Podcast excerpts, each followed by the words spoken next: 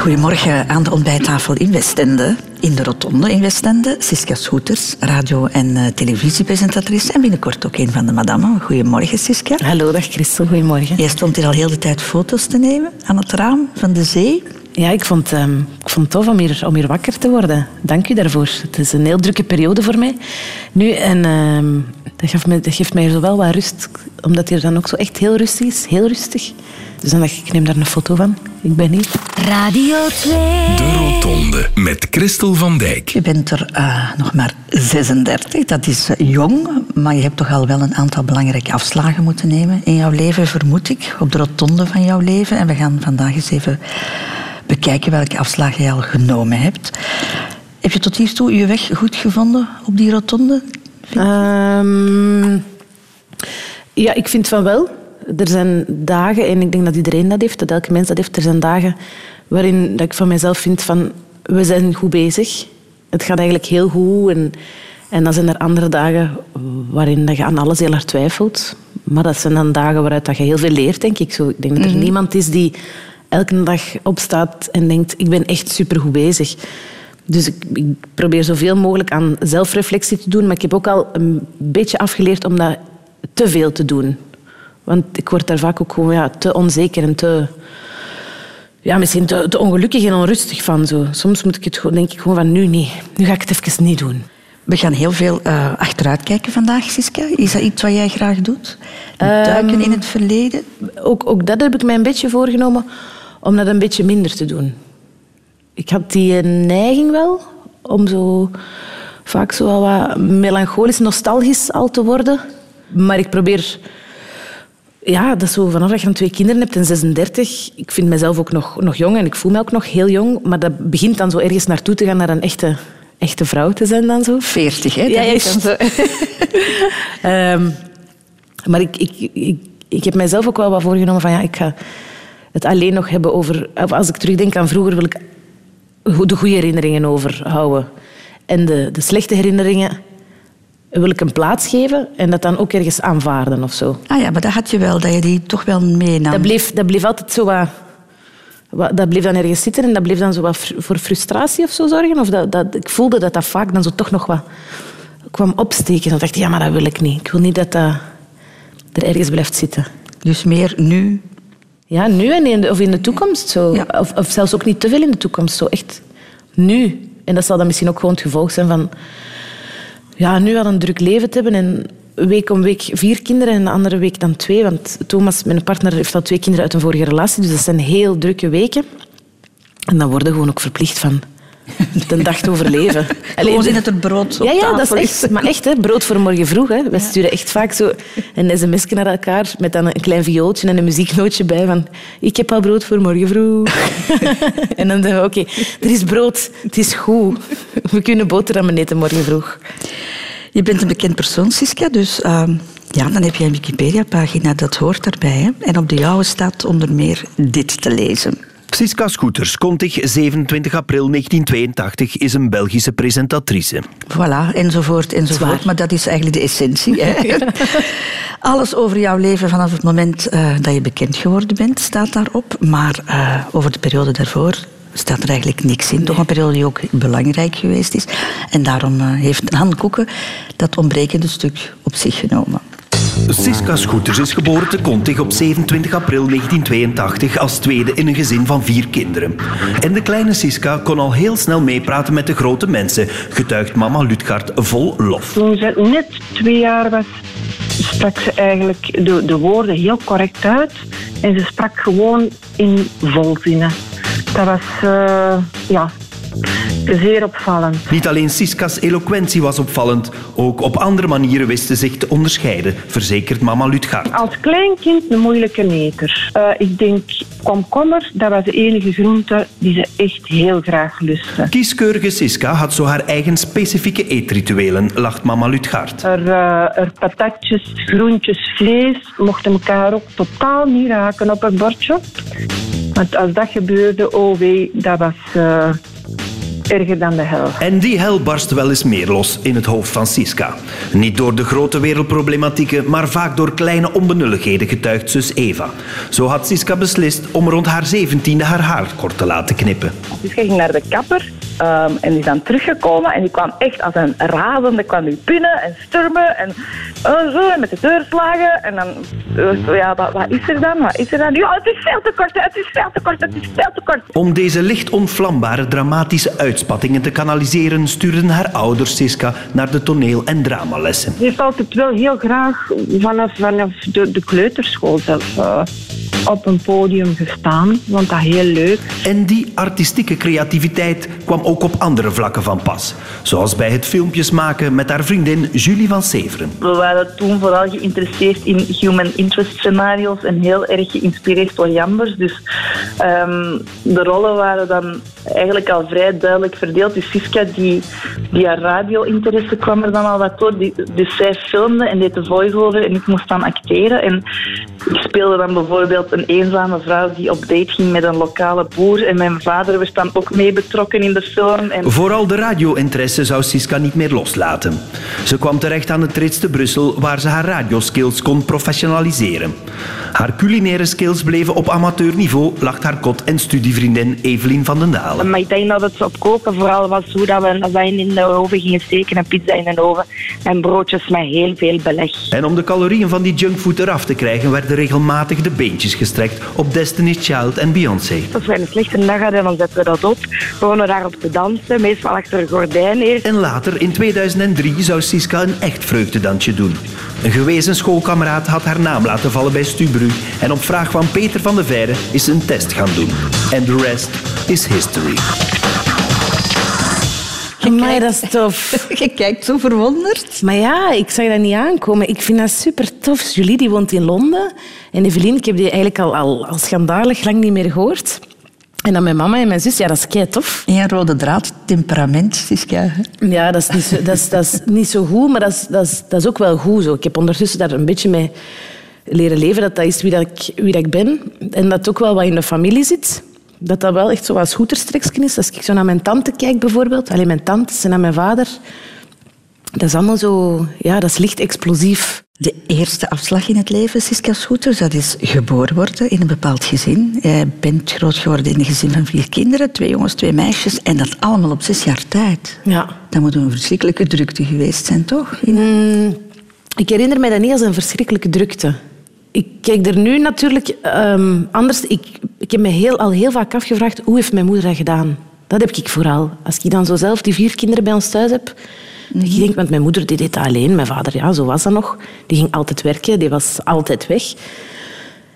En ik heb me altijd, nu vraag ik me af, hoe heeft hij dat gedaan?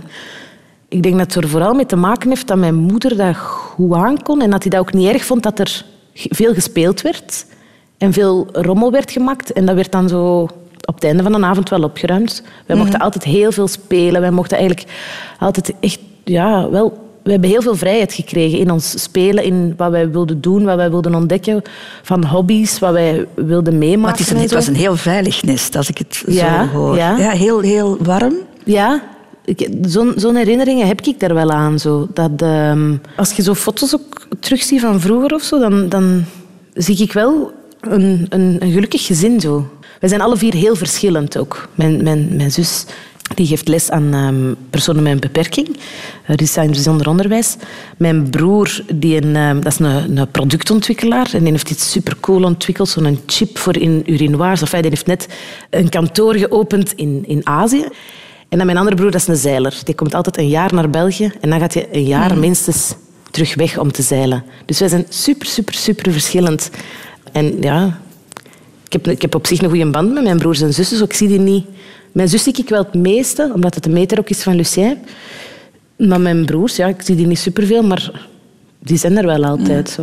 Wat moet ik mij voorstellen? Vier kinderen op zes jaar tijd.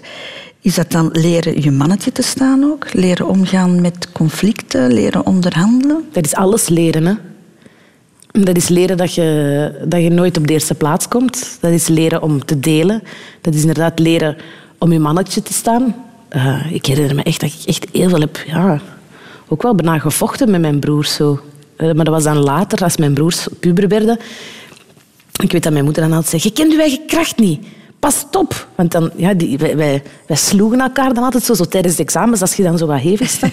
En dan waren we aan het rollenbollen in de zetel, maar dan sprong er één broer gewoon zo baam op mij. Of dan, die, wat hij altijd zo deed, was zo ieren op je arm slagen. Zo, ken, dat is superveel oh, zeer. Ja, ja, ja, maar die, die, die, die konden dat... Of ieren, zo pitsen ieren. Zo Onder je armkwabbetje. Ja. ja. En dan pitste die zo. Ik weet dat mijn moeder had zei, stop ermee, je kent je eigen kracht niet meer. Omdat die zo, ja, zo heel snel groeide en ineens zo explosief aan, aan kracht inwonnen. Wat vonden jouw ouders belangrijk om mee te geven in hun opvoeding? Um, ik, vond dat, um, ik heb die vraag nog eens gekregen en dan was ik zo 21 en dan kon ik daar nog niet op antwoorden. Je kunt daar pas op antwoorden als je zo wat ouder bent. Um, en ik denk dat die belangrijk vonden van... je kunt alles worden en krijgen wat je wilt, maar je moet ervoor werken. Voor niks gaat de zon op. Zo je moet je best doen. Ja, je moet je best doen. Zo, zo dat, als je iets wilt, dan werkt het ervoor. Het gaat niet vanzelf naar u komen. Zo, dus wij zijn ook al heel vroeg begonnen met... Omdat we natuurlijk ook met vier waren. Wij zijn niks tekort gekomen, maar er was ook niet... Wij waren niet rijk. Dat niet zo. Dus ik ben heel vroeg begonnen met, met studentenjobs te doen in een beenhouwer, in een bakker. Ik deed altijd um, vakantiewerk in de zomer, zoveel mogelijk. Omdat ik wist van ja, als ik een extra paar schoenen wil, of als ik met mijn vriendinnen mee wil, of ik wil bijvoorbeeld in de paasvakantie gaan skiën met vrienden of zo, dat betaalde ik wel allemaal zelf. Ah, Wij betaalden al heel vroeg heel veel zelf. Omdat mijn ouders zeiden van ja, we willen wel een deel bijleggen, maar dat gaat niet voor vier kinderen. Ik weet, mijn zus, die, uh, we woonden, toen woonden wij in Kontig. Mijn zus die wou op kot gaan in Antwerpen. Dan zeiden mijn ouders, dat is goed, wij betalen de helft. Want eigenlijk Kontig Antwerpen, dat is te doen qua verbinding. Maar ze snapten dat ook wel, dat je dan op kot wilt. Maar ze zeiden, ja, dat gaat gewoon ook niet. En dan gingen wij werken om de helft van ons kot te betalen. Wat een faire deal is, vind ik eigenlijk ook nog wel. Maar je best doen, houdt dat nog in? Jezelf overtreffen? Alles uit jezelf halen wat er... Plus est en vous, zoals nee, eh, Herman van Rompuy dat hier ooit zei? Nee. Nee, en ik ben daar eigenlijk ook zelf een beetje tegen. Omdat ik dat bij mijn zoon ook zie. Dat hij voor zichzelf de lat heel hoog legt. En ik geloof daar niet in. Zeker niet als je een aard... Nogal gevoel, als je nogal gevoelig van aard bent. Wat ik bijvoorbeeld heb, mijn zus heeft dat ook. Um, en dat maakt u alleen maar onzekerder en uh, kwetsbaarder. En vaak gaat dat richting faalangst staan. Dus ik zeg dat nooit, nooit tegen mijn zoon. Van, je moet meer je best doen. Of, of je moet alles eruit halen. Ik zeg altijd, het is goed wie dat je zei. Mm. Ik vind dat een veel belangrijke boodschap dan zeggen, er zit nog meer in. Ik, ik geloof, als je gelooft in jezelf van het is goed hoe dat je zei, dat het allerbeste er wel gaat uitkomen. Omdat je dan in, je, in jezelf vertrouwt. Zo. En dat heb je meegekregen van thuis? Uh, ja, eigenlijk wel. Ja. Ik geloof ook zo... Het onderste uit de kan is altijd aangebrand. ik vind dat echt... Dat is heel, heel schoon gezegd. Ja, ja. Ik, ik, vind dat... Ik, dat hoeft niet. Er zijn veel belangrijker dingen dan nu in allerlei bochten wringen om er het aller, allermeeste uit te halen. Dan zie je heel veel niet wat er nog, nog passeert, geloof ik, aan de zijlijn. Dat jij als tiener een plan? Wist jij wat jij later zou gaan doen of wilde doen? Nee, absoluut niet. En ik denk ook dat zo mijn tienerjaren, pakt van mijn 14, 15 tot mijn ja, 1, 22, wat eigenlijk dan redelijk lang is zo. Als je er nu op terugkijkt, ik zou dat niet opnieuw willen doen. Ik was dodelijk onzeker. Maar echt, ik, ik, ja, ik, ik, ehm, ik had de chance dat ik een hele vlotte babbel heb. Waardoor dat mensen dat niet aan mij zagen. En dat ik zo wel een frank, frank mondje heb. Zo, waardoor... Maar dat waren niet de gelukkigste jaren van mijn leven. Zo, al mijn vriendinnetjes hadden altijd liefjes. Ik niet. Er werd niemand verliefd op mij. Ja.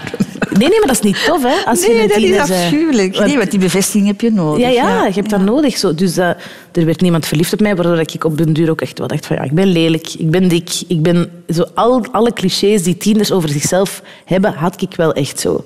Ik had de chance dat ik geen puisten had, bij wijze van spreken. Zo, dat was het enige wat ik niet had. Zo. Ik had mijn vel mee. Um, maar ik zat niet goed in mijn vel. Ik voelde me echt te dik. Ik voelde mij onzeker. Ik voelde mij...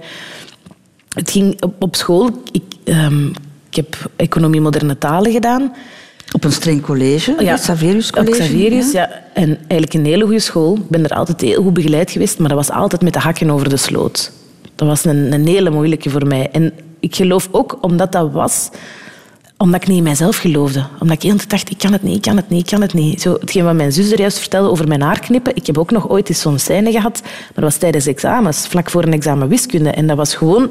Mijn zus heeft mij gepakt. Die heeft mij naar een douche gesleurd. En die heeft mij onder een koude douche gezet. Omdat ik hysterisch was. Ik was de te zeggen, het gaat niet, ik kan dat niet, ik kan dat niet, ik kan dat niet, ik kan dat niet. En dat was constant, ik kan dat niet. Maar zat je ook niet in de verkeerde richting? Waarschijnlijk Kon wel. jij daar je creativiteit kwijt? Ja, want eigenlijk, ik had bijvoorbeeld um, Dirk Terrein, de broer van Johan Terrein, was in het vierde middelbaar bijvoorbeeld mijn titularis. En die was heel hard bezig met toneel en met al die dingen. Dus hij heeft me daar geweldig samen met Julie geweldig in gestimuleerd. Wij hadden schooltoneel, eigenlijk om zo'n streng college te zijn, was dat een heel creatieve school. En ook om zo'n streng college te zijn, en daar ben ik die nog altijd dankbaar voor, hebben ze altijd gezien wie dat ik was. En hebben ze er eigenlijk ook rekening mee gehouden. En mijn leraar economie, ik had dan heel veel economie, die heeft gezegd, Siska, ik weet dat je nooit van je leven nog iets gaat doen. Als je er iets mee gaat doen, dan gaat je een boekhouder het allemaal wel uitleggen. Zo. die je nu hebt. Ja, ja, voilà. Die je nu hebt. En die mij dat ook inderdaad altijd moet uitleggen. En ik zit er dan... Het zit allemaal zo ver weg, ik snap er niks van. En die moet mij dat dan vijf keer uitleggen. En dan zeg ik, ja, ja. Dan vraag ik op het einde, maar is het goed of niet? Moet ik iets veranderen of niet? En dan zegt hij, nee, nee, het is allemaal goed. Je bent goed bezig. Oké, okay, dat was eigenlijk het enige wat ik moest horen. Dan denk ik, voilà, economie, zo, geregeld. Zo kan het ook. Ja. Nu, jouw mama vertelde dat je als kind eigenlijk al graag op een podium stond. Hè, dat je hebt toneellessen gevolgd. En ze verwachtte eigenlijk dat je iets daarmee ging doen. Dat je een acteursopleiding Ja. ging doen. Maar dat heb je dan niet gedaan. Nee, maar ook uit die, ehm, uit die angst, uit die extreme, extreme onzekerheid. Mijn, ehm, ik ben dan met Julie, mijn vriendin, die is naar Herman Terling gegaan. En ik was er ook een beetje, een beetje kwaad voor op haar toen. Maar ook gewoon jaloers. Omdat zij wel durfde toelatingsexamen doen en ik durfde gewoon niet. Ik durfde echt... Ik had zoveel schrik om te, om te falen. Of dat ze tegen mij... Ja, mijn tante... ehm, die, eh, die werkt voor de Monty, eigenlijk al heel haar leven. De theaterzaal in ja, Antwerpen, de theaterzaal in Antwerpen. En dus ik kwam daar dan af en toe wel eens. En ik, ja, dat was altijd zo wel... Dat is, ja, het theaterpubliek, dat is een soort van... Ja, een, een heel alternatief publiek, zou ik maar zeggen. Dus ik was er altijd zo wel wat door geïntrigeerd. En ik vond het altijd heel aantrekkelijk en heel interessant. Maar ik was gewoon bang. Ik was bang om dat toelatingsexamen te doen en ik heb dat gewoon niet gedurfd. En ik heb dan toelatingsexamen gedaan aan het Lemmes, eh, het Lemmes Instituut, voor woordkunst. Omdat ik dan op de een of andere manier dacht van dat is veiliger. En ik was daar niet door. Oh, Siska. Ja, ik was daar niet door. En dan was ik het helemaal kwijt. Dan was ik 18 en dan stond ik daar en dan dacht ik echt, ik kan niks. Ik wist niet wat ik moest gaan studeren. Ik wist niet wat ik moest doen. Ik wist, niet, ik wist echt niks niet meer. Dat was allemaal... Ja, alles was vaag. Dat was zo, ah ja, oké. Ik heb me toen ingeschreven voor de ehm, opleiding, eh, de lerarenopleiding. En dan heeft mijn mama gezegd, schatje, denkt u dat dat iets voor u is? Denk daar nu toch nog eens goed over na. Dus dan heb ik me ingeschreven voor lerarenopleiding en heb ik me ingeschreven voor ehm, communicatiebeheer, de hogeschoolversie. Dus je hebt het wetenschappen, maar het was beheer, de hogeschoolversie. En ik weet dat mijn moeder zei, doe wat dat je wilt. Zo. Ehm, maar het was echt zo wedden op twee paarden, om dan te zien... Ik wist het gewoon niet. En dan zei mijn tante van de Monty, die zei van, maar wat, wat hadden nu willen doen met woordkunst aan het? Wat hadden we willen doen? Een, een, een omroepster worden of wat? Echt zo. zo. wat dat, hey, wat, wat, dat, zijn- dat zijn allemaal omroepsters. Wat wilde er nu mee doen? Wat wilde doen? Wat wilde doen? Wat doe je graag? Ik zeg, babbelen. en dan zei hij, ah, dan gaan we iets zoeken. Hè? Ik zei, maar ik, ik vind babbelen tof. En dan, en dan heeft, hij rond, heeft eigenlijk mijn tante rondgehoord en die belde mij. Siska, er is een opleiding op Trits, radio. En dat is mijn toelatingsexamen. Ik was al te laat voor dat toelatingsexamen, maar ik mocht dat dan toch nog doen. En daar was ik wel door. En? Was dat een wereld dat openging? Ja. Waar eindelijk jouw plaats gevonden in het leven? Nee, ook niet. Ook nog nee, niet? Nee, nee, ook niet. Maar dat ligt ook aan mij. Ik denk ook echt dat dat aan mij ligt, omdat ik zo onzeker was dat ik gewoon niet wist van... Waar is mijn plaats dan zo? Dat, ehm, Maar ik vond dat wel heel tof. Ah, ik vond dat plezant. En dan, ik mocht dan op kot van mijn ouders in Brussel. En ik moest niet de helft zelf betalen, want dat was te ver om, om, om te overbruggen. En eh, ja, ik vond, dat heel, ik vond dat heel plezant. Dat was, dat was echt zo... Dat was wel heel bijzonder, want die richting was misschien niet helemaal wat ik ervan had verwacht. Ehm, Omdat dat was ook... Ja, dat was technisch waarschijnlijk Nee, ook nog totaal wel. niet. Oh, niet technisch, nee. Totaal niet technisch. Dat was eerder heel, heel kunstig. Dat was, dat, ja, dat was zo. Je hebt, je hebt drie vierde van de leraren... De, de helft van de leraren daar zitten als een kunstopleiding en de andere helft zitten als een, een vak. Hoe dat ik dat ook echt zie. Dus ik, ja, zo die, die kunstvakken, wij moesten zo kunstinstallaties maken en zo, zo soundscapes maken. En wij moesten uren naar Zweedse documentaires luisteren met dan de vertaling op een blad erbij. Allee, zo dat, ehm, maar ik heb daar geen trauma aan overgehouden. Maar ik, zo van die Ja, terwijl dat jij, net zoals je al ervoor zei, van, voor mij is het een ambacht. Ja. En dat heb je dan heel snel kunnen uitoefenen, want op je 21ste ga je auditie doen bij Studio Brussel. Ja, dat was Dat was eigenlijk... een vriend die jou dat had aangedaan. Nee, Annemie Gulix. Annemie Gulix, die nu eh, ja, een, een, een baas is bij Ketnet zelfs. Die werkte voor Studio Brussel en ze zochten blijkbaar iemand om de afrekening te doen. En Annemie had ook op Trits gezeten en die had mijn naam doorgegeven. Dus ik kom er aan toe en ik had... eh, eh, ik moest dan, ja, wat was dat? Een paar plaatjes af en aankondigen. En Peter van der Veijren heeft mij begeleid toen. Dat was mijn, eh, mijn begeleider. En dan belde hij om te zeggen van, het is goed. En ik ging eigenlijk juist op, op reis vertrekken met mijn lief. Dus ik heb mijn reis gecanceld dan. Omdat ik wel dacht van, amai, dat is wel heel cool. Dat is wel heel tof. Wat fijn dat je dat op je 21ste al Ja. kon beginnen doen, wat, wat je eigenlijk wilde doen. Babbelen. Ja, ja ik vond dat heel, heel fijn. Maar het, eh, het, het spijtige was ook wel dat er dan bijvoorbeeld op Trits niet zo goed op gereageerd werd. Om maar te zeggen, zo dat ze, eigenlijk ja, hetgeen waarvoor we opgeleid werden, we gingen al in een doorstroom, zaten we al op de VRT, alleen mochten wel dingen doen. En ik weet dat ja, mijn, mijn, een leerkracht tegen mij heeft gezegd van, bij mijn afstuderen, zei van, ja, je verdient een onderscheiding, maar ik kan ze niet geven, want je wordt te vaak afwezig. Maar wel om te gaan werken op de echte radio. Hè. Dat vond ik wel heel spijtig. En daar ben ik nog lang zo wel wat kwaad over geweest. Dat- Omdat ik dat onfair vond. Maar nu denk ik, ach ja, dat zegt meer over hem dan over mij misschien. De afrekening ga jij dan presenteren. Dat is een hitlijst. hè. Ja. was een hitlijst op, eh, op Studio Brussel. Een belangrijk programma. En dan krijg je ook nog eens bakken kritiek over je heen. Want dat hoort zo natuurlijk. Hè, Dat is altijd. Dat is zo, ik vind altijd straf dat er over mij altijd zo gezegd werd van ah ja, ze polariseert heel hard. Maar ik denk altijd, iedereen polariseert heel hard in de media. Dat zo, ze hebben er bij mij zo'n dingetje van gemaakt, precies. Terwijl ik nooit echt het gevoel had van ah, ik word heel unfair behandeld of zo. Maar toen met de afrekening was het toch erg. Je was 21. Er waren toch wel heel wat scheldtirades. Hè? Ja, maar ik, dat is ook zoiets dat ik mij nu niet meer... Omdat dan misschien natuurlijk na 15 jaar... eh, heb ik dat wel omgebouwd naar een soort van gerespecteerde functie binnen Studio Brussel. Zo. En dat mensen me dan aan mij moesten wennen. En niet iedereen vindt mij nog altijd niet leuk op de radio. Maar dat gaan ze van u ook hebben. Hè. Er gaan mensen ook zeggen die zeggen... Ach, die Christel van Dijk, dat zet ik af. Allee, toch, dat is uiteraard. altijd Ja, zo. ja. Dus dat, ik vind dat ook zelfs niet zo erg. Ik heb dat ook bij sommige mensen. Dat ik zeg van die hoor ik wel graag en die hoor ik niet graag. Ik heb dan gewoon niet de neiging om dat te laten weten. Die een volgende stap hebben normale mensen niet. Dat is het enige wat ik nooit heb begrepen. Van als je iemand niet kunt uitstaan, zet dat af. Mhm. Maar het was toch zo dat je eh, van eh, jouw bazen de reacties niet mocht lezen. Hè? Nee, Peter van der Veijren heeft mij dat in het begin gewoon... ehm, zei hij van, ik ga, dat, ik ga dat voor u lezen. Want ik wil niet dat je die eerste uitzendingen dat zelf leest. Omdat je daar niet mee geconfronteerd moet worden tijdens een eerste live radio-uitzending als je 21 jaar bent. Eh, dus die heeft mij een beetje, een beetje in bescherming genomen. En dan denk ik, na drie of vier afleveringen lezen dat wel zelf. Maar wat deed dat met jou? Want je was al zo onzeker. En zo Ja, dat is keihard. Dat, doet echt, dat is keihard, maar dat is nog altijd keihard. En iemand die in de media werkt en die zegt dat doet mij niks, dat vind ik wel heel bijzonder. Dat is, dat is, dat is, dat is echt heel goed zo. Je moet dat leren. Hè? En dat is een waar ik nog vaak voor naar Peter van Veijren heb gebeld achteraf. Dat, is het zo, ja, ook zo die dagen dat je dan het gevoel hebt van... Vandaag is geen goede dag of ik weet het allemaal niet meer. En als je er dan zo nog een sms bovenop krijgt of een mail, dan heeft u dat wel echt een klets in je gezicht. Waar je soms een halve dag echt van kunt slecht lopen. En soms belde ik dan naar Peter en dan vroeg ik van...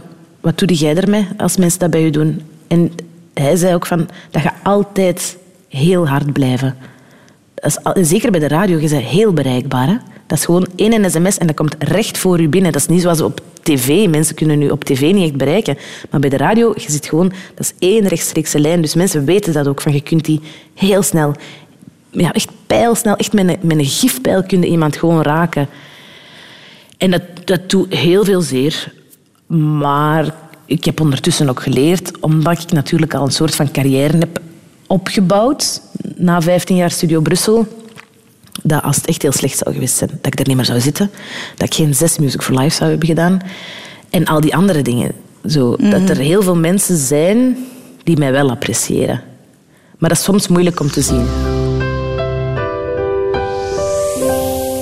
Het lijkt een uh, succesverhaal, Siska Scooters, jouw professionele leven. Hè? Uh, een van de leading dames uh, bij Studio Brussel. Je hebt televisie gedaan, Music for Life. Maar zo makkelijk is het allemaal niet gegaan. Ik heb gelezen dat jij vier jaar hebt moeten wachten. Of vijf jaar om een contract te krijgen. Ja. Ja, dat was, ik denk dat dat zo het begin van de, van, uh, het begin van de, van de crisis in combinatie met een zekere onzekerheid van mijn bazen was. Uh, wat er ook aan mijn onzekerheid niet echt geweldig veel deugd gaat gedaan hebben. Vijf jaar ja. je best doen en, en dan niemand die zegt oké. Okay, nee, ja, dat, dat, dat, dat, is vaak een heel frustrerende geweest. Want ik mocht op den duur... Ja, dat, dat, dat vierde jaar bijvoorbeeld... Ik verving tijdens de zomer... Heel de zomer deed ik het ochtendblok op Studio Brussel. Om dan in september terug naar één keer per week de afrekening te gaan. Dus ik, ik was echt zo... Ja, ik combineerde dat echt met een job in een horeca. Om, uh, ik woonde toen ook al alleen met een vriendin samen. Dus ik... Um, ja, om, om rond te komen moest ik... Uh, ik ging ook zo... Ik heb een, een krantenronde. In het weekend ging ik in Brussel, in de randgemeente in Brussel, ging ik uh, Engelstalige weekendkranten rondbrengen bij diplomaten en zo. Dus dan had ik een krantenronde van twee uur s'nachts tot elf uur s morgens. En dan ging ik zo die Observer en de Daily Mail, de zondagsedities, ging ik om ook... Ja, dat verdiende heel goed. Om gewoon om, om rond te komen, deed ik dat dan. Um, en dan heb ik een contract gekregen eigenlijk drie maanden voordat ik mijn eerste Music for Live heb gedaan. ik denk dat ze toen wel door hadden van ja, nu kunnen we dat wel niet meer maken om die geen contract te geven. Dus nu moeten we wel iets doen. Maar voor iemand met jouw temperament, als jouw geduld zo op de proef gesteld wordt? Ik was er vaak... Nee, want ik... Um, ik heb pas mijn echt temperament getoond bij Studio Brussel vanaf dat ik een contract had. Daarvoor wisten ze niet echt wat vreemd dat ik was, anders hadden ze mij nooit aangenomen. Nee, ik was er vooral vaak heel triest over, eerder. En ik dacht altijd, waarom? Wat doe ik nu verkeerd? Ik mag alles doen hier, ik mag alles vervangen, maar ik krijg geen vast contract. En ik heb dan ook heel veel mensen bij ons zien toekomen die wel voor televisie werkten en die wel een contract kregen. Wat heel frustrerend was voor mij. Mm Want ik was diegene die ja, last minute gebeld werd. Ik was de vaste vervangster van Roos van Akker. Ik was de vaste vervangster van Peter van de Veire. Ik heb elk programma vervangen dat er was. maar ik zag iedereen binnenkomen na mij en die kregen allemaal een contract en ik niet. Dus dat was, ik, ik begreep dat gewoon niet. Ik dacht maar wat, wat doe ik juist verkeerd? Want jullie, dat klopt gewoon niet. Jullie vragen mij voor alles, maar jullie geven mij geen vast contract. Wat heeft jou die periode geleerd, Siska? Um, de dag het... Ik weet het niet, daar heb ik misschien nog niet echt over nagedacht. Want het moet ergens goed voor geweest zijn, hè? Het, ja, zeker, zeker. Misschien dat de... Um, ten eerste, als je, als je wel volhoudt en je best blijven doen. Ik ben wel altijd mijn best blijven doen. Ik ben altijd... Voor elk programma dat ik moest presenteren of dat ik mocht vervangen dan ben ik dat blijven voorbereiden. En kwam ik op tijd. En zo hetgeen aan mijn ouders hadden geleerd, van doe je best en, en doe het goed. Zo, niet per se, je moet de beste zijn of ik weet niet wat. En dat ben ik wel altijd blijven doen. Ik was wel zeer loyaal en zeer betrouwbaar. En ik, daar geloof ik heel hard in. Ik heb dan ook heel veel mensen bij ons zien binnenkomen, van die jonkies, die ja, eisen stellen, die niet komen opdagen, die veel te laat komen opdagen. En dat ik altijd dacht, ja, maar ja, zo werkt het gewoon ook niet. Zo, je kunt dat even volhouden. Maar ik geloof daar ook nog heel hard in. Van, als je, ja, hetgeen dat mijn ouders mij ook wel hebben geleerd. Zo. Mhm. Je moet het wel goed doen. Je moet wel je best doen gewoon. En, en ervoor werken. En ook misschien dat je ook, uh, zonder al te cynisch te willen klinken, maar dat je niet te veel mensen moet vertrouwen. Ook wel niet. Dat heb ik daar ook wel geleerd. Ik zal op professioneel gebied weinig mensen vertrouwen. Ik ben heel professioneel en ik, ben, ja, ik zeg het zo, ik ben een harde werker en ik ga er altijd staan. Maar echt in professionele omgevingen mensen echt per se vertrouwen, dat ga ik niet doen. Omdat je een paar keer teleurgesteld bent? Ja, omdat, ze, omdat, ze wel, omdat ik wel voelde van het hangt vaak van andere dingen af. Het hangt niet per se van u af. Daarmee dat ik ook zo al mijn professionele dingen uitbesteed. Dat ik iemand anders dan voor mij mijn contracten laat doen, mijn afspraken laat doen. Omdat ik denk van, ik kom toe, ik, ik, ik wil zijn wie dat ik ben en waar ik goed in ben. Zo, in babbelen, in gesprekken doen, in interviews um, afnemen, in radio maken, in televisie maken. Zo, dat wil ik doen. Maar in, als het echt gaat over, over alle concrete afspraken en dingen die op papier gezet moeten worden of zo, daar wil ik niks mee te maken hebben. Want ik zou dat te emotioneel zien ook. Dat is dat vooral. De liefde, Siska Scooters, had jij daar hoge verwachtingen van als jong meisje? Ja, ik, ik, ik denk het wel. Ik denk te hoge. Wat misschien wat negatief klinkt nu. Maar ik heb ondertussen al geleerd dat uh, er niemand in een Disney-verhaal leeft. En ik vrees dat ik echt een beetje zo was. Ik dacht echt, een goede relatie, dat is, dat is het allerschoonste wat er is en dat gaat nooit missen. Dat is nooit ruzie en de neuzen zitten altijd in dezelfde richting. Zo in mijn hoofd was dat. En dat is altijd romantiek en altijd lachen samen en happily ever after. Zo de ene persoon die mij de rest van mijn leven gelukkig gaat maken. Ging het zo ver? Ja, en die me elke dag gelukkig maakt. Elke minuut van de dag. En die mij gaat verrassen. En ja, die hè. dus dat, dat, is zo... Ja, ik, ik denk dat, dat, ik zo te, te, gevoelig en te romantisch beeld had uh, van de liefde. Zo. Terwijl de liefde, zeker voor gevoelige mensen, is dat een, een grote drijfveer. Voor, eigenlijk voor iedereen, denk ik. Uh, liefde voor van alles, maar dan zeker liefde voor, voor levenspartners. Mm, ja, maar ik, ja, je vroeg dan daarnet van, is het een moeilijk parcours geweest? Op zich niet, niet moeilijk. Het, het enige is natuurlijk dat ik verliefd ben geworden op iemand met twee kinderen. Mhm. En dat is niet gemakkelijk, hè. Dat is niet gemakkelijk. Dat is een, een, een heel pijnlijk verhaal geweest natuurlijk. In de eerste instantie voor de mama van de twee oudste kinderen van Thomas, denk ik. En want Thomas zat nog in een... Tom, Thomas was nog samen met de, met de mama van zijn kindjes. Maar wij zijn dan ja, echt heel, heel, heel verliefd op elkaar geworden. En Thomas heeft dan beslist van ja, ik kan mij niet voorstellen dat ik het niet meemaak om bij u te zijn. Zo heeft hij mij dat altijd gezegd. Hij heeft mij ook altijd wel gezegd van ik ga niet weg voor u. Het is een katalysator in een verhaal dat waarschijnlijk niet goed zat, maar dat ik misschien tot dan niet echt onder ogen heb gezien. Mm want ik denk dat ik ook niet een druk op mij zou gewild hebben van ik ben wel voor u weggegaan, hè, dus dat moet nu wel goed zijn. Dat is niet gezond ook niet. Er zijn ook heel veel mensen die ons daarvoor gewaarschuwd hebben in het begin van dat gaat niet werken. Ze is zes jaar jonger, ze is 25, je hebt al twee kinderen. Je kunt niet zomaar iets beginnen met iemand uh, die veel jonger is. Maar dat was een beetje maar jij zat ook nog in een relatie, Ja. toch? Ja. Maar dat is natuurlijk, dat was, ja, ik was 25. Ik, ik had een relatie, waar je wel geen kinderen. Allee, zo los daarvan dat dat ook pijnlijk was voor mijn vriend, sowieso. Maar dat is een ander soort relatie dan wanneer je wel kinderen hebt en, en al ja, aan, aan, aan een echt leven, zal ik maar zeggen, begonnen zijn. Ik denk dat wij alle twee wel wisten, dit gaat misschien niet blijven duren. Wij gaan sowieso niet voor altijd bij elkaar blijven. Of wij gaan niet diegenen zijn die samen kinderen gaan krijgen.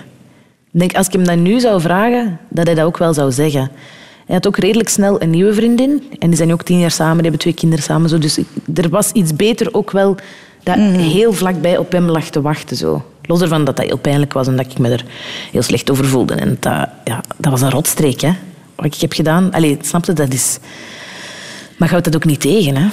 Nee, maar uiteindelijk dat is ook niet iets van dag op dag. Hè. Ik neem aan dat jullie verliefd zijn geworden en dat daar dan toch misschien een jaar of zo tussen zat. Nee, jullie de stap zetten? Nee? Was het sneller? Ja, ja wij, zijn, wij zijn in de winter verliefd geworden op elkaar en in mei. Een half ehm, jaar? Ja, een half jaar.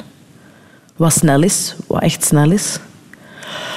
Maar soms moeten we gewoon snel eens beslissen ook. En kunnen maar beter springen, denk ik dan. Dat moet toch wel helse maanden geweest zijn, nee? Dat was hels. Was ik was, het enige wat er goed was, was, was dat ik heel mager was. Ik was heel mooi toen. ik, ik kan perfect foto's. Ik weet, dat was die periode. Dat was 2008. Zomer 2008. Ik was super mager. nee, dat was, dat was niet plezant. Dat was echt niet plezant. Ik was verteerd door schuldgevoel naar Thomas en naar de moeder van Thomas en kinderen. Ik heb daar heel lang mee rondgelopen. Ik heb daar dan ook hulp voor gezocht. Zo. Ik, ik heb daar enorm van afgezien. Ik wou dat ook heel goed doen met zijn kinderen, maar te goed. Dat wou ik dan wel echt te goed doen. Ik wou aan iedereen tonen... Ik ga de beste stiefmama zijn die je ooit hebt gezien. Terwijl dat hoeft niet. Want die hebben een mama en die hebben een papa die er goed voor zorgen. Maar ja, ik was 25 en ik had een enorme bewijsdrang zo naar de buitenwereld. Van ja, Thomas heeft voor mij gekozen, zal ik maar zeggen. Ik moet nu wel tonen dat ik het wel waard ben.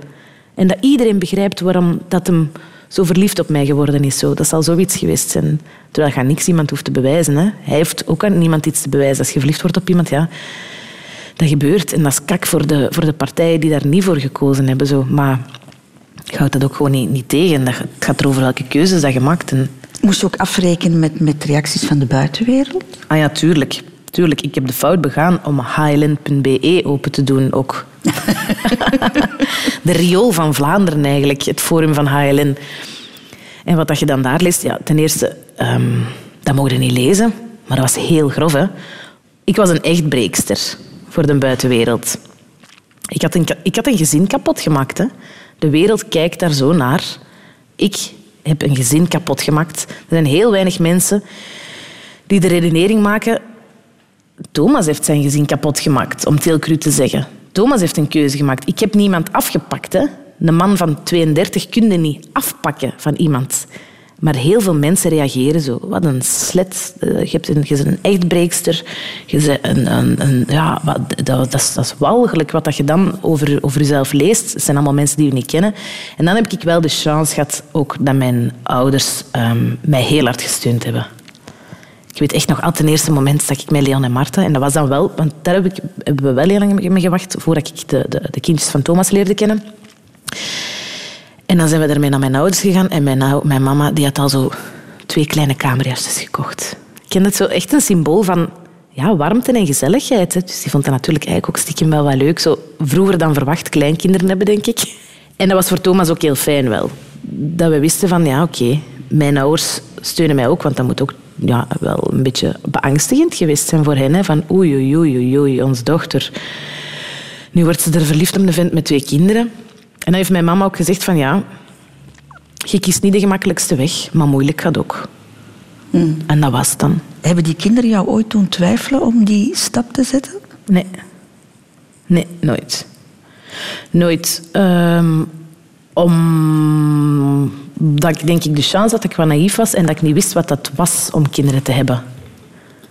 Ik denk dat dat echt gewoon mijn geluk geweest is. Ik zag kinderen gewoon als, oh, we gaan er leuke dingen mee doen en dan gaan we pannenkoeken eten en ik koop er schattige kleren voor en lelelelelelelelele. Ik had er niet over nagedacht van, ah ja, dat zijn twee externe karakters in mijn huis waar ik eigenlijk niks mee te maken heb. Zo. Dat, dat, daar denk ik allemaal niet over na. En, maar waar je ook, geen verleden mee hebt. Hè? Natuurlijk niet. Nee, nee, nee, nee. En ondertussen hebben we dat opgebouwd, dat verleden. Want ik ben tien jaar samen met Thomas, dus ik ken die kinderen echt al heel lang en heel goed. Uh, en dat is eigenlijk ja, dat is wel dik aan tussen ons. Zo. En zeker dat ik zelf kinderen heb, maar ik denk dat dat mijn, mijn chance geweest is. Dat ik totaal geen idee had op mijn 25 wat dat is. Kinderen hebben. Laat staan stiefkinderen. Heb je het idee gehad van ik moet hier aanvaard worden of ze moeten mij aanvaarden? Is dat hmm. toch een proces geweest? Nee, want ze waren heel klein. Ah, ja. Ook die chance had ik. Hoe erg dat, dat is om te zeggen. Hè? Uh, ik weet, Marta vindt dat super erg dat ze zich niks meer kan herinneren van toen dat we samen waren. Leon heeft dat wel nog. Leon heeft wel nog herinneringen, maar Marta niet. Marta was geen twee. Marta was jonger dan mijn dochter nu. Zo. Uh, dus ik denk dat die mij sowieso aanvaard hebben omdat ik voor hen zorgde er was voor hen... Um, ja, ik, ik, ik gaf hem wel gewoon liefde en warmte. En dat is hetgeen wat kleine kinderen nodig hebben. En dat heb ik wel altijd gedaan, zo, als ze klein waren. Zo. Ik was een, een, en ik ben nog altijd, en ik weet wel echt dat ik dat kan zeggen, zo, een, een, een goede, warme stiefmoeder voor hen geweest. En ja, ben ik soms ook eens boos, maar op hen, maar lijkt dat ik op mijn eigen kinderen ook boos ben. Zo. Ik vind er ook niks mis mee. En dan beslis jij om zelf ook kinderen te krijgen? Ja. Ja. Dat was, dat was wel altijd afgesproken. Ik heb wel altijd tegen Thomas gezegd van ik wil zelf ook ah, twee kinderen. Dus dat, is wel... dat was een voorwaarde? Ja, dat is niet dat wij echt aan de onderhandelingstafel hebben gezeten, maar ik kan niet achteraf zeggen van ja, maar wacht, ik wist van niks. ik heb dat wel altijd heel duidelijk gezegd van ik wil er ook wel nog van mijzelf. Dus als jij dat ziet zitten, is het goed voor mij zo. Uh, ik zeg dat ook, ik weet dat je dat... In het begin zag je dat ook als een heel... Ah, leuk, dan hebben wij ook vier kinderen zoals hoe dat ik ben opgegroeid thuis. De week dat ze alle vier thuis zijn. Ja, ja. dus de, uh, dat leek mij echt een soort van, ah, de cirkel is rond. maar goed, dat is, dat is plezant, hè. Maar ik ben altijd blij als we vrijdagavond hebben gehaald. Zo. Dat, uh... Maar ja, bon, in, in, uh, wanneer was het dan? In 2011 is Lucien geboren. 11 is hij geboren. En dan is er naar Mini gekomen. Ja. Heeft dat de relaties of de verhoudingen in het gezin complexer gemaakt? Dat er plotseling twee eigen kinderen waren? Met papa en mama onder één dak? Ja, uh, misschien wel. Ik denk vooral voor mij. Ik denk dat dat voor mij um, even een, een, een, een verschuiving van, van, van, van puzzelstukken was. Zo. Waar dat er ervoor nooit... Dat het allemaal heel organisch ging. Zorgen voor Leon en Marta. Was dat ineens wel van... Ah ja, maar wacht even. Hoe moeten we dat dan nu doen? Want dit is dan mijn eigen kind. En ik zie Leon en Marta ook heel graag. Maar dat, ik voelde wel van... Ah, en eigenlijk, bij mij was het vooral het besef van... Ah, ik ga nooit een normaal gezin hebben. Dat vond ik een hele, een hele zware dobber zo. Mama, papa en ja, de eigen en kinderen. Kindjes, gewoon één op één, duidelijk. Als we praten over het gezin, dan heeft iedereen in het gezin door over welk gezin we praten. Nu is dat heel vaak, als het gaat over een vakantie, dat ik even moet polsen. Met welke kinderen zie jij dat allemaal? Is dat mij allemaal of is dat alleen met die van ons? Zo, om gewoon even, even te checken ook zo. Hè, dat ik weet van, ah ja, oké, moeten we nog veel meer sparen ten eerste om op reis te kunnen gaan? Of gaat het meevallen? Want als je met vier kinderen op reis wilt gaan, ja, dat is ook gewoon echt al uh, ja, een stevig hap uit je, uit je budget. Um, maar gewoon ja, ja, zo dat, dat aanvaarden van oké, als op het moment dat ik eigenlijk compleet gelukkig ben, als ik het complete geluk ervaar van mijn gezin, vond je dat ook wat tristig voor Thomas, omdat ik wist van ja, maar jij mist altijd nog twee mensen. En ik, zonder gemeen te willen zijn of zo, ik mis die op dat moment niet. Ik, kan wel blij, ik ben blij als die komen. Als ik weet van ah, vanavond komen ze gezellig, we zitten allemaal samen aan tafel. Maar ik, ik, ik mis die niet, niet, niet echt zo hard als een vader zijn kinderen mist natuurlijk. Wat ook normaal is, dat is de natuur. Dat zijn mijn eigen kinderen niet. Ik mis mijn eigen kinderen heel hard als die er niet zijn. En je hebt u daar schuldig over gevoeld? Ja, schuldig. En, en ik vond dat ook wel wat lastig, want je wilt graag dat iemand waar je kinderen mee hebt, dat je alle twee op dezelfde manier naar dat gezin kijkt. Dat is het allerschoonste, vind ik, aan kinderen hebben met iemand. Als mijn dochter van twee iets onwaarschijnlijk schattig of grappig of, of ja, ontwapenend doet, er is maar één iemand waarvan dat je voelt dat dat hart ook woe, woe, woe, vier keer zo groot wordt. En dat is de vader van je kinderen. Dan kijkt je naar elkaar en je moet niks zeggen, zelfs niet. Je weet alle twee van, dat is van ons. Dat monster is van ons. Hoe kan dat nu dat hij zoiets doet? En dat zijn heel schone momenten. Dat, zijn heel, dat, is, dat vind ik het allertofste aan kinderen hebben, is dat kunnen delen met iemand zo. En Thomas kon dat dan niet meer met Bieke. En ik ving dat wel op en ik vond, ik vond die ook wel schattig en zo. Maar ja, als 25-jarig meisje, je ziet dat niet. Nee. Je kunt, en hij verwachtte dat ook niet van mij. Zo. Um, maar dat is, dat is gewoon wel spijtig vaak. Zo, dat, ja, op momenten dat ik zeg van dit is voor mij ja, de cirkel is hier rond, weet ik dat bij Thomas altijd een stuk van zijn hart Tuurlijk, ja. nog ergens anders zit. Maar je hebt zelf hulp gezocht, omdat je niet echt een, een weg vond tussen, mhm. tussen de, de, jouw kinderen of jullie kinderen en zijn kinderen. En dan ben je naar een plusoudercoach. dat is eigenlijk een soort van... Een, een, ja, hoe moet je dat noemen? Dat is een, een combinatie van, van ja, een beetje psychologie, jezelf leren kennen. Waardoor dat, dat dan verklaart hoe dat ik op sommige dingen reageer. En ook gewoon ja, met, met wat technieken aangeleerd. Van, kijk, je gaat nooit een normaal gezin hebben. Uh, en zonder... Ze heeft dat nooit zo cru gezegd, maar get over it. Ja, die heeft mij zo wel wat tools bijgebracht die je soms nodig hebt van iemand om... om ah ja, dat is eigenlijk wel waar. Ah ja, dat is eigenlijk wel waar. En soms komt het dan zo nog eens op in je hoofd. En soms vergeet je dat en heb je een slechte dag en denkt alles is slecht en ik ga het nooit kunnen. En het is beter dat we uiteen gaan, want het gaat toch nooit werken. En andere dagen denk ik, wij doen dat eigenlijk niet slecht. Hmm. Want elk gezin heeft zijn problemen en wij hebben veel meer hindernissen. Allee, veel meer. De kinderen zijn gezond, want ik wil dat voor alle duidelijkheid nog wel even zeggen. Alle, we hebben gezonde kinderen. We hebben, allee, we hebben eigenlijk nog een luxe situatie.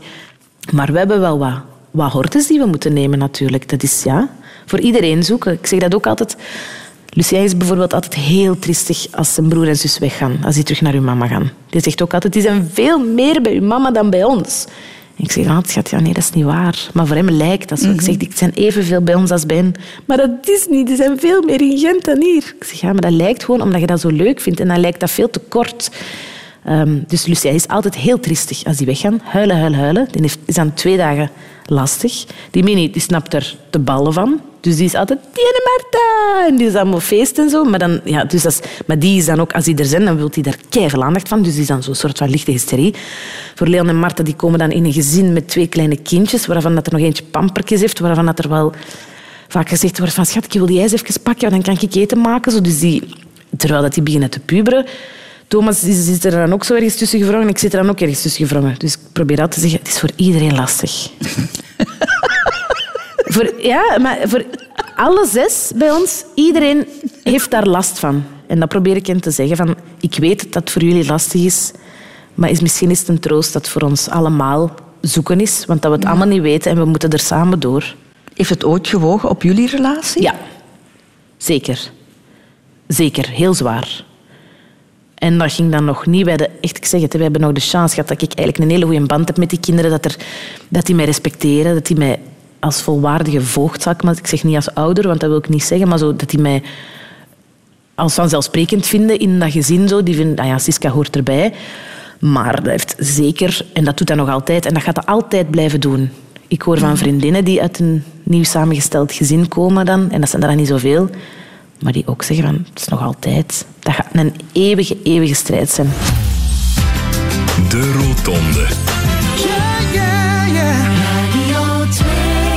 We hebben het er al eens over gehad, maar ik wil er toch nog eens dieper over ingaan. Jouw imago.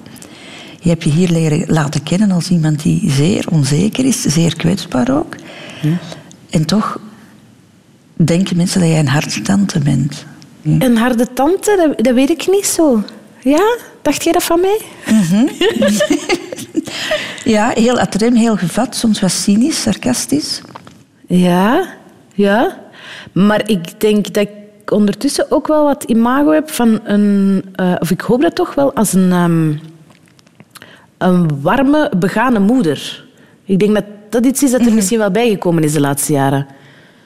En dan, als dat mijn imago is, vind ik dat niet zo erg. denk ik, ja, dat vind ik oké. En harde tante, ja, ik denk dat dat misschien eerder te maken heeft met mijn manier van praten. Omdat ik snel praat en, en veel praat. En inderdaad, zo wel, ik kan ik wel zo twee zinnen zeggen die er wel zo wat fel uitkomen. Zo. Um, maar ik denk, de mensen die mij kennen, die gaan mij niet kennen als een harde tante.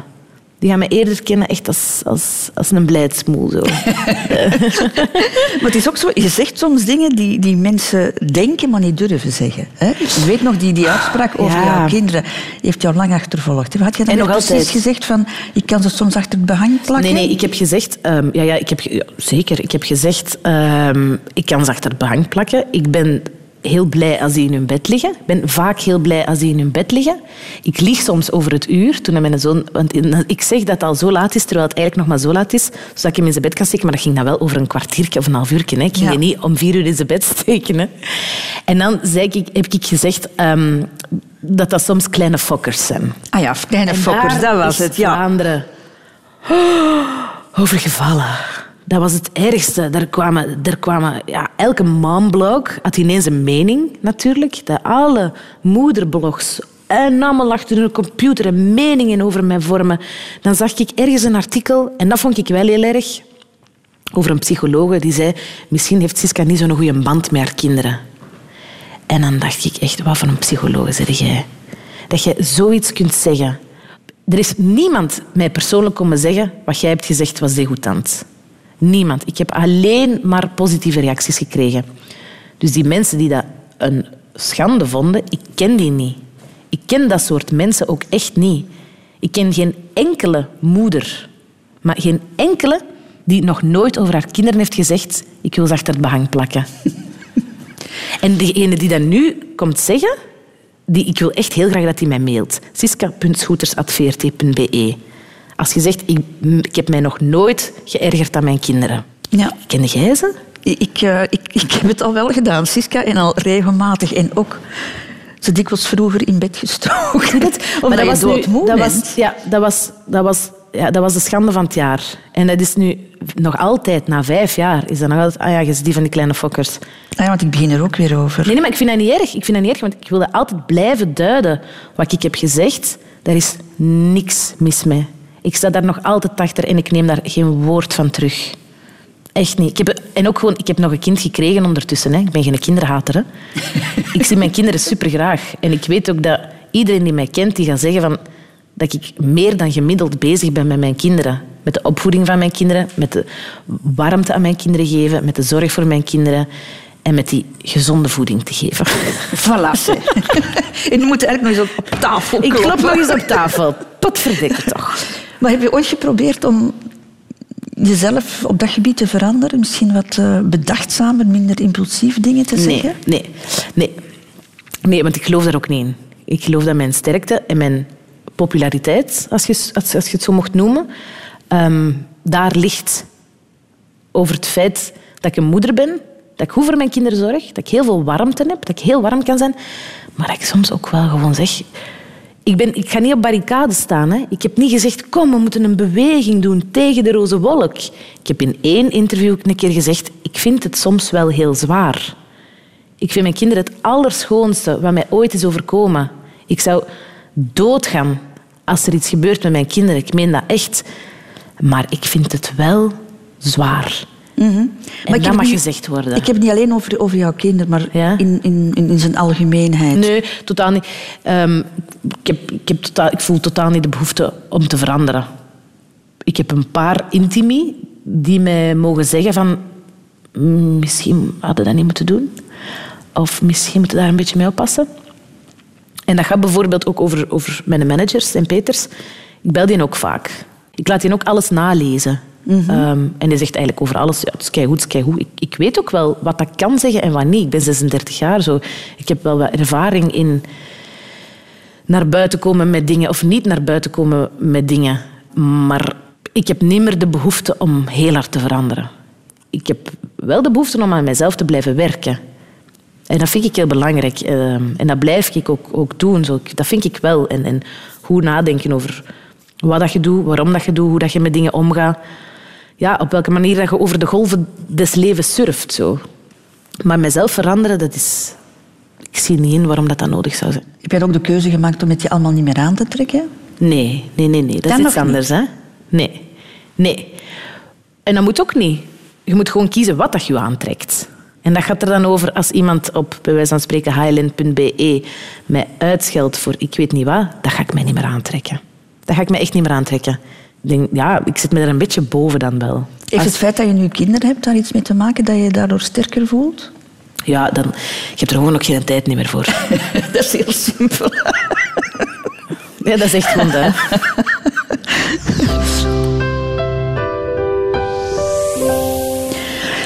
de laatste afslag in het leven, Siska Schoeters, dat is doodgaan. Denk jij daar wel eens aan? Op je 36ste? Ah, wel, dat is nu straf dat je dat zegt, want ik begin dat zo soms te voelen. Dat, um... En dat is, dat, een nieuw gevoel voor mij wel. Dat, niet, niet, niet dat ik aan het doodgaan ben, maar eerder van... Um... Ah ja, oké, de, de tijd is hier beperkt. Ik heb dat onlangs, ja, denk een paar maanden geleden, voor de eerste keer gevoeld van... Ah ja, wacht. Dat gaat, ik kan nog niet beginnen aftakelen, zo, totaal niet. Maar ik ben nu 36. Ik heb twee kinderen, die zijn gezond, die gaan heel snel groot worden. Dat voel ik nu al. Um, en ja, ik voel dat dat zo, dat zo niet meer het... Dat is niet meer dat dat onbestaande is. Het begint af en toe ergens een klein druppeltje te vallen wacht, het is hier beperkt, dus we moeten zien... Bij mij is dat wel ja, echt gewoon we moeten zien dat we er alles uithalen. Dat heb ik heel hard. Dat heb ik ook zo wel meegekregen van thuis. En zo mijn grootmoeder deed dat ook altijd zo veel en grote feesten geven. Ik denk dat ik daar ook om bekend sta. Ondertussen bij mijn vrienden. Ja, het is altijd feest. Ik geef elk jaar een feest voor mijn verjaardag. En groot, hè. Niet met tien man, hè. Ik, heb, ik, vind, ik denk ook, ja... En dat gaat niet om... Want het is mijn verjaardag. Maar ik vind het wel een reden om te feesten. Ah, ja. Toen mijn zoon zeven is geworden... We hebben niet een communiefeest of een lentefeest gegeven. We hebben dat gewoon zo een zevenjarenfeest genoemd. En wij ook een feest voor, voor 60 man gegeven. Dat ik denk van, elke reden om een fles open te trekken, om iets te vieren, is er een bij mij. Toen mijn dochter één werd... ehm, omdat ik dat een hele schone en een belangrijke verjaardag vind. Omdat ik altijd zo denk, ah, voor één en wie gedood, ik heb dat dan zo wel heel hard. Maar vanaf één zeggen ze dan altijd van, die kans is dan hè, veel minder. Dus voor die eerste verjaardag heb ik een belachelijk groot feest gegeven. dat kind heeft daar niks aan gehad. Waardoor dat ik ook wel heb gezegd aan de gasten, van, ik wil niet dat je een cadeau meebrengt, maar... ehm, ik ben meter van de VZ2 Feestvarken. En dat is een VZ2 die eh, ervoor zorgt dat kindjes die ehm, financieel niet in staat zijn om hun verjaardag te vieren in Vlaanderen, omdat hun ouders ja, de middelen niet hebben, die krijgen een pakket. En dan kunnen ze tracteren op school, kunnen ze een cake bakken, hebben ze feesthoedjes, eh, kunnen ze het huis versieren. En daar zit een grote cadeau in voor de kinderen, maar echt een schone doos.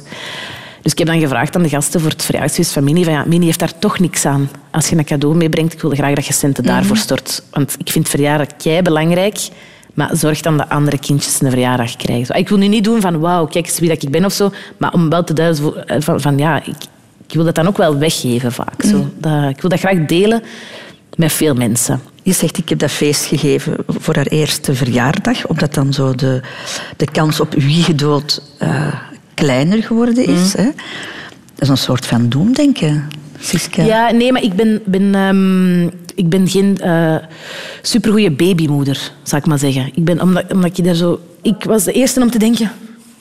Doet hij nu raar of niet? Is er nu iets mee? Oei, is hij, gaat hij hoesten? Heeft hij reflux? Heeft hij dit? Zo, dat heb ik heel hard. Ik ben geen relaxe babymoeder. Ik had veel stress toen het die baby waren. En ook wel zo wel wat bang van... Er zal toch niks mee zijn. Er gaat toch niks mee zijn. Zo. En zo...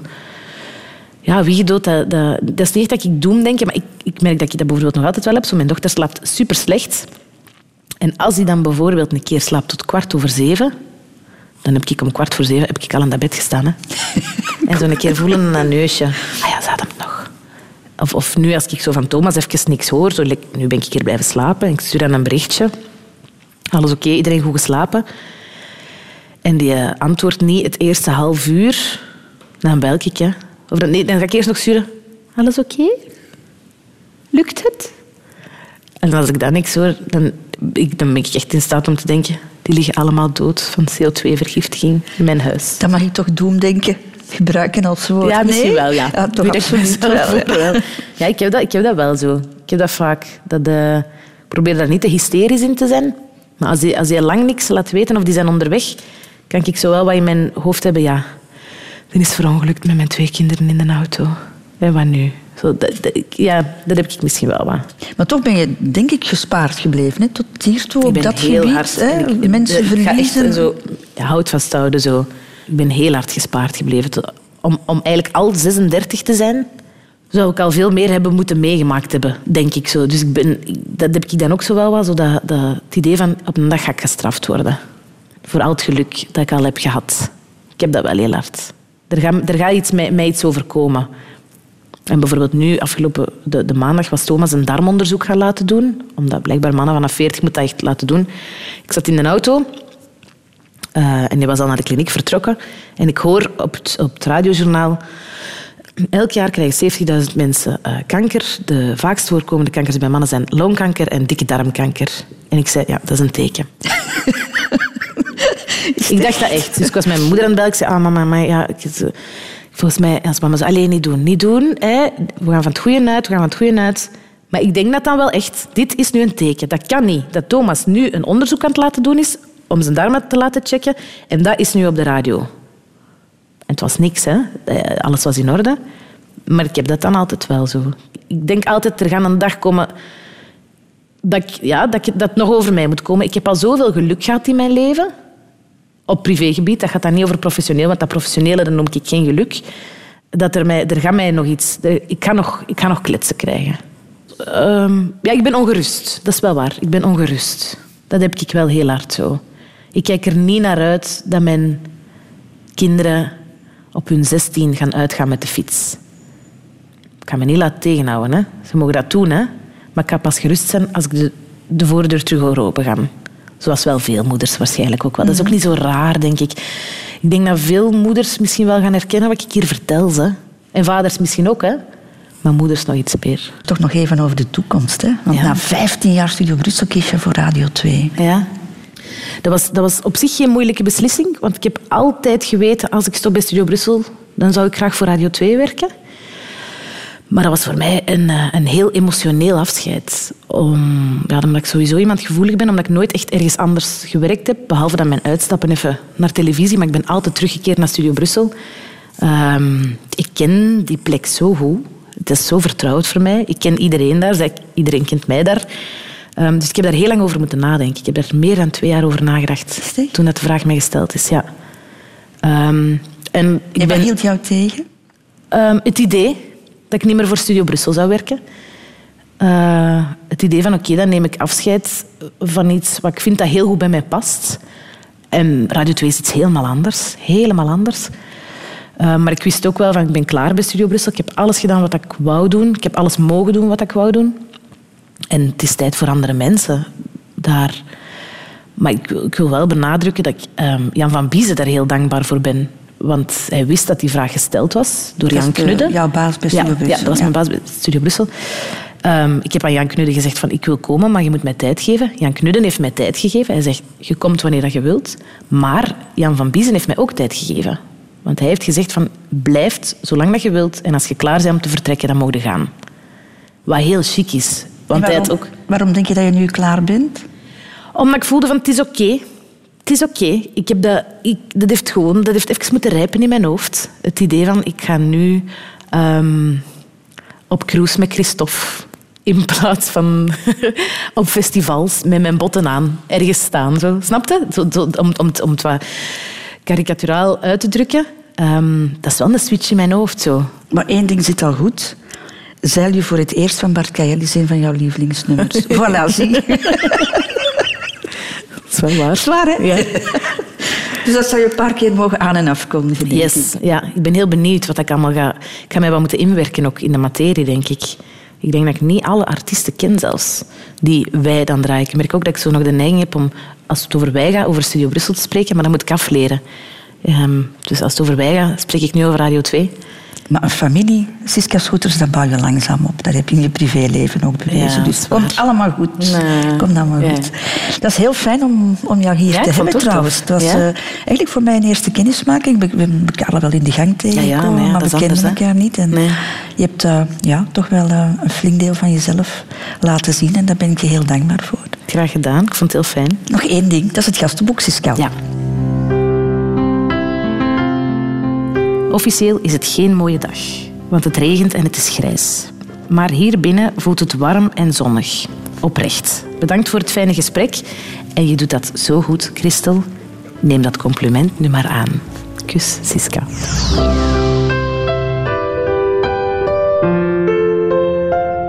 Radio 2